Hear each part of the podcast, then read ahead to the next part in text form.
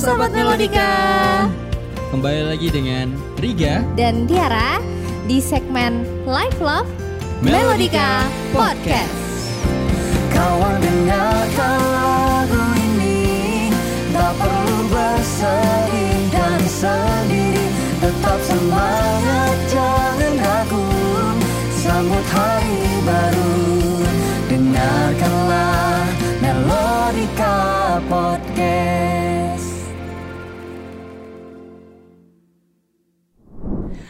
Hai sahabat Melodika.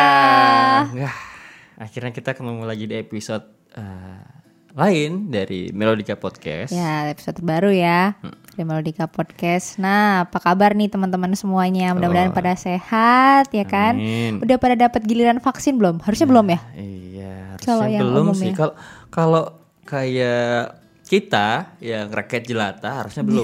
Rakyat jelata Iya. deh. Rakyat jelata pasti belum harusnya. Karena yang udah itu harusnya mereka-mereka yang nakes dulu kan kemarin kan. Hmm, pertama nakes ya. Nah, kemudian kayak eh, pejabat-pejabat eh, atas eh, apa eh, negara kayak gitu kan.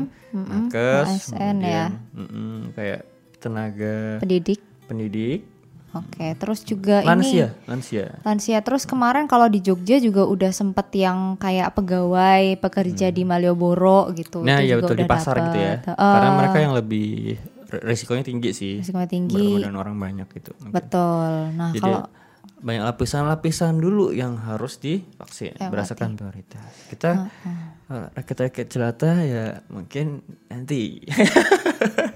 Oh ya tunggu aja sabar ya. Eh, ada ininya nggak sih aksesnya lewat mana gitu? Kayak Ri- Riga Ya, tahu nggak? akses maksudnya akses untuk ini ya. Biar kita daftarnya kayak, atau eh, gimana gitu? Mungkin ada yang teman-teman yang belum tahu gitu. Ya untuk ini nih kalau dari yang info yang kita dapat ya. Mm-mm. itu coba teman-teman akses di pedulilindungi.id. Nah, itu di sana nanti silahkan eh, bikin akun, daftar, kemudian em, masukkan nomor HP, NIK kayak gitu. Nah, nanti baru nanti udah ada akunnya. Gitu kita bisa cek status kita di situ udah terdaftar, apa sudah siap vaksin atau vaksin sudah vaksin pertama, sudah vaksin kedua nanti semua di situ statusnya ada. gitu. Udah tertera di situ ya. Udah terserah sih. Karena sebenarnya itu media untuk membantu nge-tracing gitu sih eh, masyarakat-masyarakat Indonesia. Jadi biar pemerintah lebih mudah gitu mendata mana yang sudah divaksin, mana yang belum, mana yang siap, mana yang tidak boleh divaksin atau lain-lain gitu. Hmm, Oke. Nah kalau dari keluarga Riga sendiri berarti udah ada yang vaksin. Kebetulan baru aja tadi dikirimin di grup Bapak habis divaksin. Alhamdulillah Habis lega divaksin ya. gitu. Kalau udah kayak gitu tuh lega gitu loh ada keluarga kita yang dapat vaksin. Iya, nah sebenarnya bapakku kan bukan eh, dari tenaga kesehatan atau gimana gimana, tapi sepertinya di daerah sana, dia kan di Ketapang ya, kayak orang kantornya tuh udah eh, dapat bagian gitu loh. Nah untuk divaksin gitu terlebih dahulu dari kantor mereka sih kayaknya yang yang menginisiasi. gitu. Inisiasi. Kebetulan aku juga bukan sebagai tenaga kesehatan, tapi juga dari kantor juga ah, katanya akan menyediakan vaksin. Ah, Tadi untuk- bilang rakyat rakyat jelata ini. ya sebenarnya ikut rakyat jelata juga harusnya. Tapi ya untungnya eh, dapat juga dari kantor. Tapi masih belum pasti sih, maksudnya aku terakhir cek aja di pedulilindungi.id masih tidak terdaftar gitu. Oh, belum Kayaknya masih terdata ya? diproses. Apa gimana? Ka- Harusnya Senin nanti kayak gitu. Tapi ya Hmm. lihat aja lah maksudnya. Mudah-mudahan di saat ini tayang sudah eh, vaksin lah istilahnya gitu. Ya. Kan soalnya tanggal 30 eh 29 Maret itu baru vaksin gitu. Oh, aku juga dari keluarga aku juga ada ini bapak juga udah Bapak juga ada vaksin juga. udah vaksin Hmm. juga. Jadi Dari itu berarti Eh. lansia apa gimana? ya kayaknya termasuk lansia sih karena oke. bapak udah 60 tahun kan. Nah, eh, tapi yang menginisiasi itu memang dari kelurahannya dari dari ya? desanya dari orang setempat gitu sudah mendaftarkan dan eh, beberapa hari lalu aku dikabarin kalau emang Hmm. sudah didata tapi nggak nyangka juga ternyata secepat ini gitu. Jadi tadi beliau kayak ngirimin screenshotan gitu. Oh udah di Tiba-tiba ya. Uh, sama dong berarti ya? Iya. Hari ini juga baru. ah baru siang tadi gitu apa dikirimin screenshotan gitu dan itu emang ada ada kayak akses dari Peduli Lindungi. Memang mungkin tetap terdata di situ sih dan udah dapat da- jadwalnya juga untuk April untuk vaksin yang kedua gitu. Dan jujur aja aku senang banget eh, bersyukur banget lega banget ketika tahu Bapak udah divaksin gitu. Jadi ya apa ya meminimalisir bentuk pencegahan lah.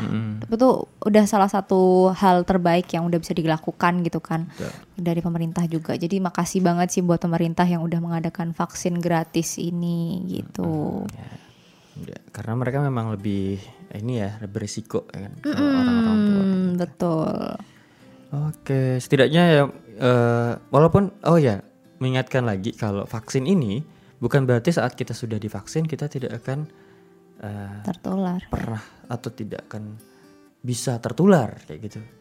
Melainkan kita masih bisa beresiko tertular, tapi eh, manfaat vaksin ini adalah mengurangi atau menghindari kondisi terburuk saat eh, terpapar vaksin kayak gitu. Itu kayak nguatin imun gitu gak sih Yes, ya? nah, karena memang itu kan eh, virus mati ya, yang sudah Hmm, yang di- yang eh, yang ada dikasih di vaksin itu. Gitu. Jadi better teman-teman udah usah takut ya kalau untuk divaksin karena sebenarnya tuh udah nah. lolos uji, udah apa maksudnya udah di standar halal juga gitu loh, udah banyak banget penelitiannya Nah. Dari yang M- MUI Mm-mm. sudah ini juga uh, menyatakan hal ya memang mm, dari sejauh ini ya kita dengar-dengar juga tidak ada yang ini kan tidak ada yang terdampak masalah buruk. besar Iya. mm, apa gimana gitu loh cuman kayak paling kayak ada gejala-gejala yang sesuai dengan kondisi tubuh kita gitu ya Mm-mm. kayak misalkan memang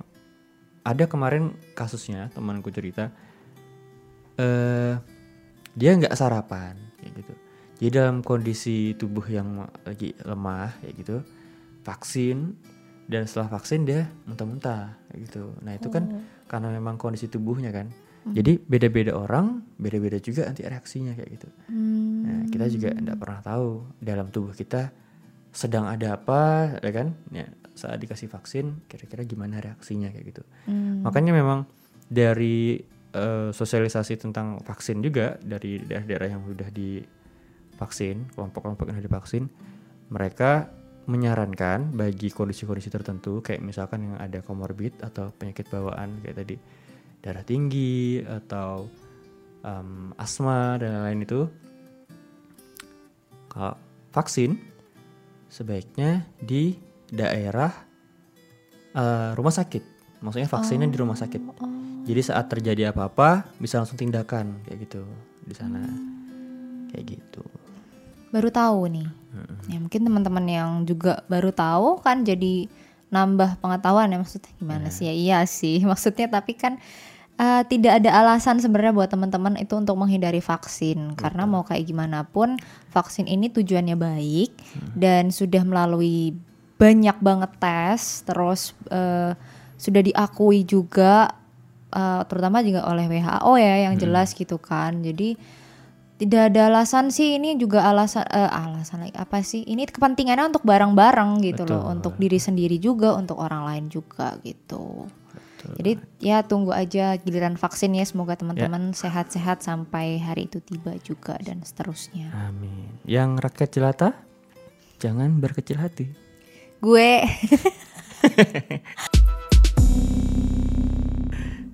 Oke. Selanjutnya ya, ini kita tadi ngebahas tentang vaksin. ya. Masih di suasana pandemi, masih di suasana eh, COVID-19.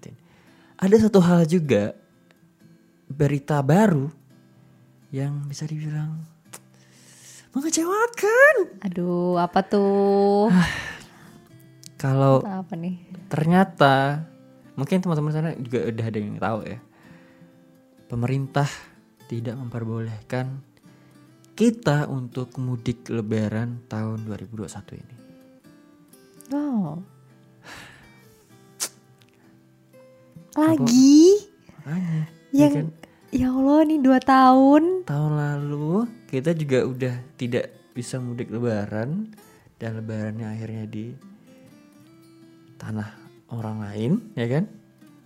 Dan sekarang tahun ini setelah satu tahun ini ya covid ya Mm-mm.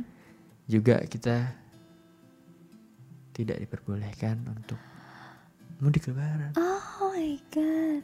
Iya iya iya iya. Gimana ya? Sebenarnya eh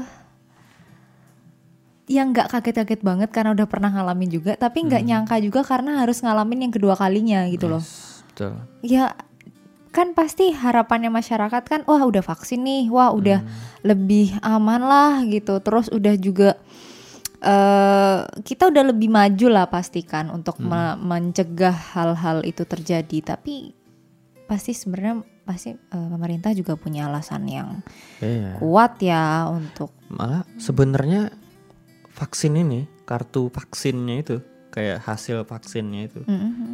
uh, ada wacana bisa dijadikan syarat untuk perjalanan malah jadi kayak tidak perlu lagi tes PCR kan, kayak gitu tinggal- tinggal nunjukin kartu vaksin itu aja ada wacana seperti itu malah kan sebenarnya tapi ya dengan sudah ditetapkan tidak boleh mudik lebaran dari pemerintah akhirnya ya tetap aja kan. Walaupun sudah vaksin atau apa tetap ya dibolehin. Katanya malah sampai di ini loh apa diawasin keluar masuknya itu daerah. Jadi mudik lebaran itu benar-benar dijaga tidak diperbolehin. TNI Polri bahkan sampai turun tangan katanya untuk saking tingginya berarti ya mungkin eh, dampak dari eh mudik lebaran yang pingin dihindari oleh pemerintah kan berarti saking saking eh, mau jatuh ibu. Jadi kayak sangat-sangat dihindari oleh pemerintah. Makanya akhirnya diputuskan untuk eh, dilarang mudik lebaran gitu. Sebenarnya aku pribadi ya pasti sedih. Hmm, tapi eh, yang bisa kita lihat kan maksudnya kalau pulang berbondong-bondong ya gitu, beramai-ramai itu yang bikin menakutkan gitu, yang bikin mungkin penularannya jadi lebih tinggi. Ya karena aku karena rumahnya deket sih ya, jadi masih bisa curi-curi sih. Tapi kalau Riga, Jawa juga gitu oh, maksudnya. oh, maksudnya bukan nyontohin yang gimana ya, aduh ya maaf, ini malah malah nyontohin yang enggak enggak. Tapi maksud aku di lain hari mudik Lebaran itu aku masih punya waktu untuk eh, beberapa hari pulang itu seenggaknya ngelihat kondisi di rumah kayak apa gitu. Yang kalau emang kondisinya udah kondusif Mm-mm. gitu. Dan tapi sebenarnya gini sih, bagi teman-teman yang tidak jauh ya eh, untuk pulangnya, maksudnya masih satu pulau juga, mungkin kan masih bisa dikejar dan lain-lain, dan tidak mungkin ada terikat dengan eh, pekerjaan atau hal-hal lain, ya gitu. Kan itu kan ketentuannya dari pemerintah adalah tanggal 6 sampai tanggal 17 Mei.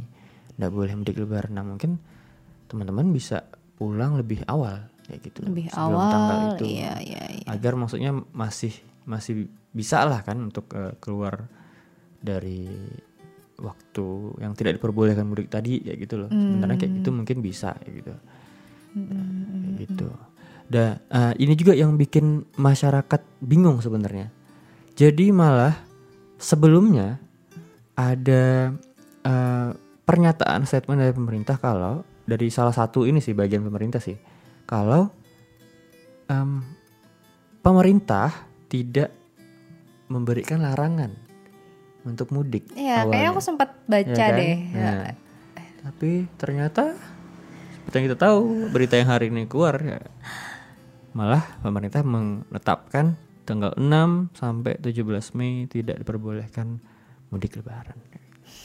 Sayangkan banget sih. Tapi ya kalau emang itu untuk kebaikan bersama ya kayak mau nggak mau lagi gimana ya toh. Cuman kalau aku masih berharap misalnya memang ada kesempatan nantinya untuk pulang gitu walaupun cuman sebentar ya diusahakan lah. Cuman kalau Riga ribet ya. Repot ya kalau Jujur aja sebenarnya aku kan udah ini ya, udah ngerencanain Mhm. buat mudik tahun ini. Karena udah eh, balas dendam nih tahun lalu nggak pulang kan. Udah ngerencanain buat, buat mudik. Awal bulan nanti April udah mau beli tiket buat berangkat tanggal 8 Mei. Tapi ternyata tanggal 6 dan 17 tidak perbolehkan mudik. Ya kalau beli sekarang misal anggap aja misalkan kemarin udah beli gitu ya. Kayak gimana tuh ya kan refund dan lain-lain lagi ya kayak gitu loh bakal ya istilahnya itu aja kok sampai screenshot beritanya kirim ke grup keluarga pupus harapan. Terus gimana tanggapan keluarga tuh? ya mama udah yang aduh kasihannya gitu, ya kan? Karena udah aku udah empat tahun berarti hitungannya nggak pulang ke Ketapang ya ke ke, ke daerah asal kalau kemarin kan ke Pontianaknya kayak gitu kan bukan ke rumah beneran rumah gitu tapi ke tempat keluarga Ya, mana empat ya? tahun lebaran berarti nggak pulang Sedih sih. Iya. Ya udah eh, cuman doain aja yang terbaik buat kita semua ya, keamanan yang- kita semua yang gitu. tidak mudik lebaran Yang jelas ya Riga udah ada kesempatan vaksin itu dimanfaatkan. Kalau memang nanti entah peraturan pemerintah ini terus tetap sampai dari tanggal 6 sampai tanggal 17 Mei itu tetap ya ya kita tinggal melaksanakan yang terbaik yang diberikan oleh pemerintah. Tapi kalau seandainya ada perubahan bisa pulang dan segala macam tidak menutup kemungkinan ya kan? Nggak tahu ya kan? Namanya pemerintah juga kayak gitu kadang-kadang bilang A abis itu besoknya B abis itu besoknya C ada alternatif lain gitu kan? Walau-walam gitu kan. Tapi yang jelas udah vaksin jadi udah tenang gitu. Betul banget. Ya, anyway. Ya, kita kalau ngebahas itu kayak tidak ada habisnya. ya. Iya. Karena ya saat ini kita hidup dengan itu gitu loh, dengan kok dengan kondisi pandemi ini gitu kan. ya. Kita ngebahas satu quotes lagi. oke Ini kali ini quotesnya dari Albert Einstein. oke pasti udah pada tahu dan mungkin teman-teman juga familiar dengan uh, quotes ini jadi gini quotesnya the world is dangerous place not because of those who do evil but because of those who look on and do nothing Ya. Albert Einstein gimana artinya Bapak? jadi jadi eh, singkatnya adalah dunia ini tuh tempat yang berbahaya kayak gitu. Eh, tapi bukan karena orang-orang yang berperilaku buruk, orang bukan karena orang-orang yang jahat itu dunia ini berbahaya, melainkan karena orang-orang yang eh, sadar akan sesuatu, cuman mereka memilih untuk acuh atau tidak melakukan Oh, Oke, apa-apa. maksudnya sadar kalau ada hal Ada buruk, hal, eh, ada ada kejadian, ada kejahatan mungkin tapi dia diam aja gitu. Oke. orang yang tidak bersimpati. Oh, Ah, iya gitu. kan? Hmm. Ya itu sering banget terjadi nggak sih? Kayak kalau dilihat kasat mata sebenarnya orang itu terlihat tidak bermasalah gitu. Orang itu kelihatan baik-baik aja gitu. Tapi ternyata di sisi lain dia adalah orang yang gak peduli sebenarnya sama lingkungan. Ah, lu mau mau gimana hidup lu mau ada apa penculikan mau ada wah ya bodo amat gitu mungkin ya itu tapi itu ini banget sih ekstrim banget sih Ekstrem, ya. cuman eh, kasarnya kayak gitulah Sebenarnya kita semua juga em, apa?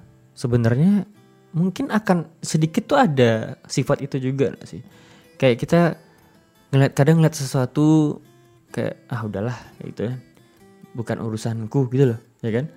Cuman mungkin masalahnya di situ masih sepele terlihatnya kecil gitu kan, Mbak. Jadi tidak kayak misalkan se ekstrim yang dicontohin Tiara tadi gitu loh. Hmm.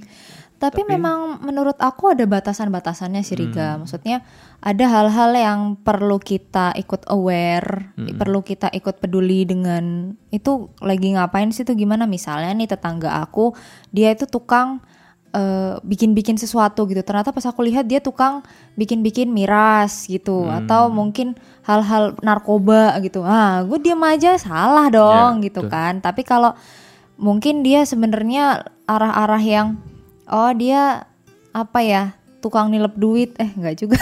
Gimana sih. Maksudnya kok nilep duit. Aku mah nggak tahu kalau nilep duit ya dianya. Maksudnya gimana ya?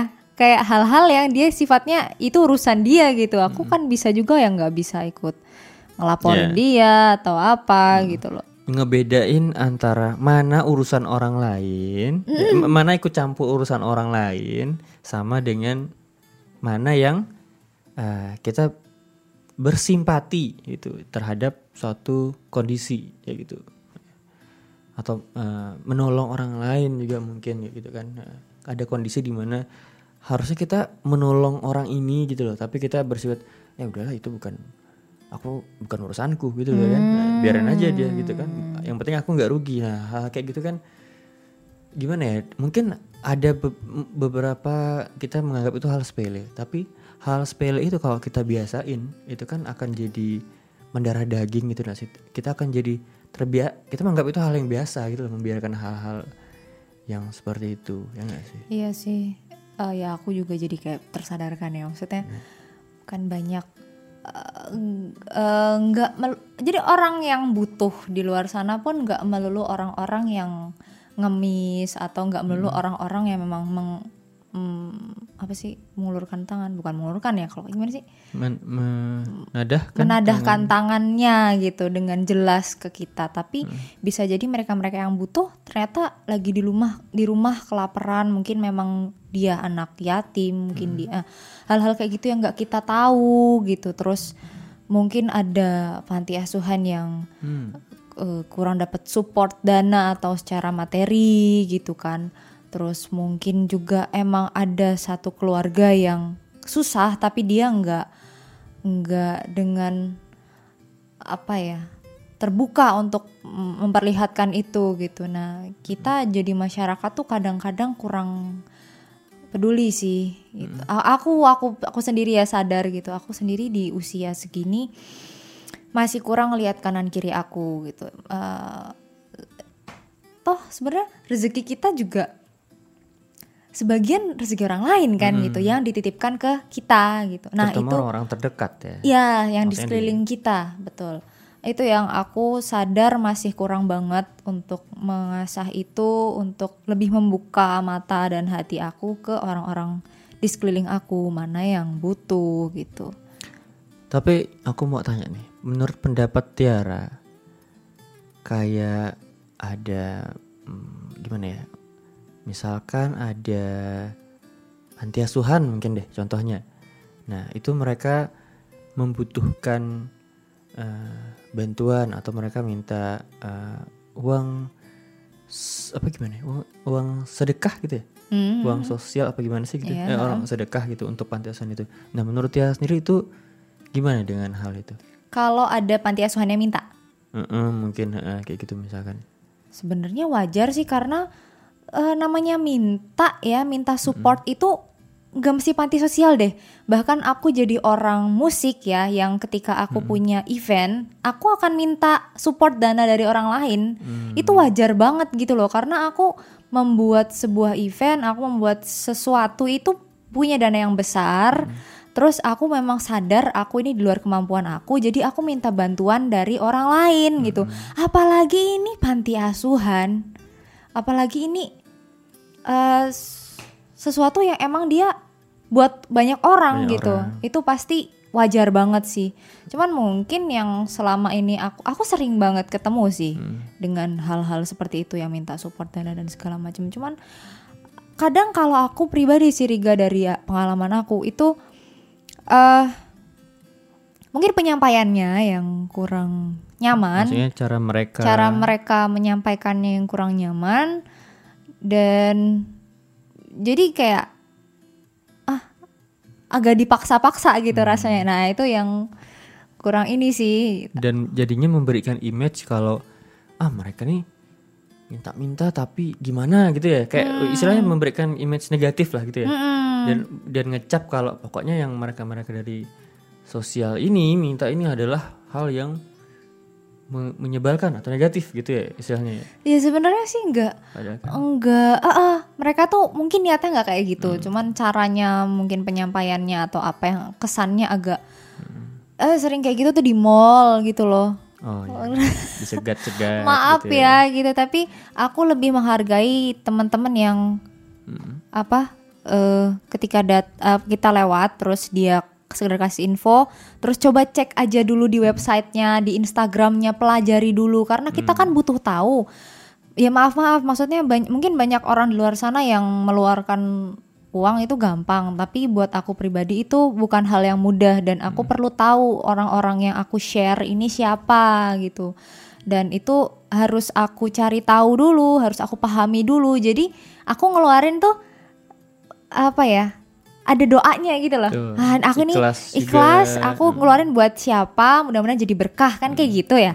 Kita kan gak mungkin kasih, ah nggak tahu eh buat siapa, eh nggak mungkin begitu, bapak saya bukan crazy rich gitu.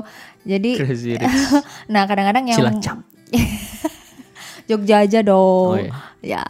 Jadi yang bikin kurang nyaman kadang-kadang eh, space waktu yang teman-teman dari eh, mereka-mereka yang minta ini tuh kurang dan agak cenderung bahasanya itu kayak maksa gitu. Berarti kan sebenarnya intinya mereka yang sebagai apa penghubung ya kan Mm-hmm. mereka yang misalkan kayak ngobrol langsung ke orangnya untuk gimana kak tertarik gak untuk ini ini itu adalah harusnya orang-orang yang bukan sembarangan orang pilih gitu ya ya maksudnya berarti kan harus orang-orang yang bersoft skill gitu kan yang yang tidak sembarang orang gitu loh. Maka harusnya yang jadi frontliner kan itu kan harusnya kan kayak gitu kan. Dan apa mereka tuh penghubung soalnya.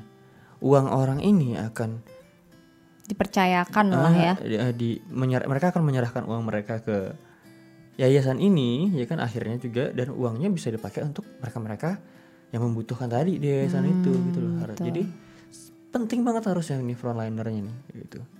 Memberikan image ke yayasannya ya kan?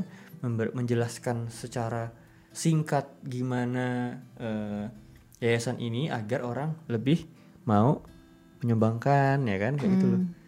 Ya sebenarnya penting banget sih uh, uh, kemampuan mereka mereka frontliner ini. Betul, ya kayak eh, memecahkan isu-isu yang mungkin buat orang-orang yang lagi di apa dihadepin tuh percaya nggak percaya kadang-kadang kan gitu ini beneran apa enggak tipuan apa enggak. Nah itu gimana caranya meyakinkan tapi tidak memaksa gitu. Terus dengan ya itu tadi sih soft soft skillnya yang perlu bagus ya tapi di lain itu sih aku uh, appreciate banget buat orang-orang yang sudah mendirikan yayasan semacam itu yang terus sudah mendedikasikan yayasan itu untuk membantu orang-orang yang memang membutuhkan, banget dengan program-program yang bagus pastinya gitu.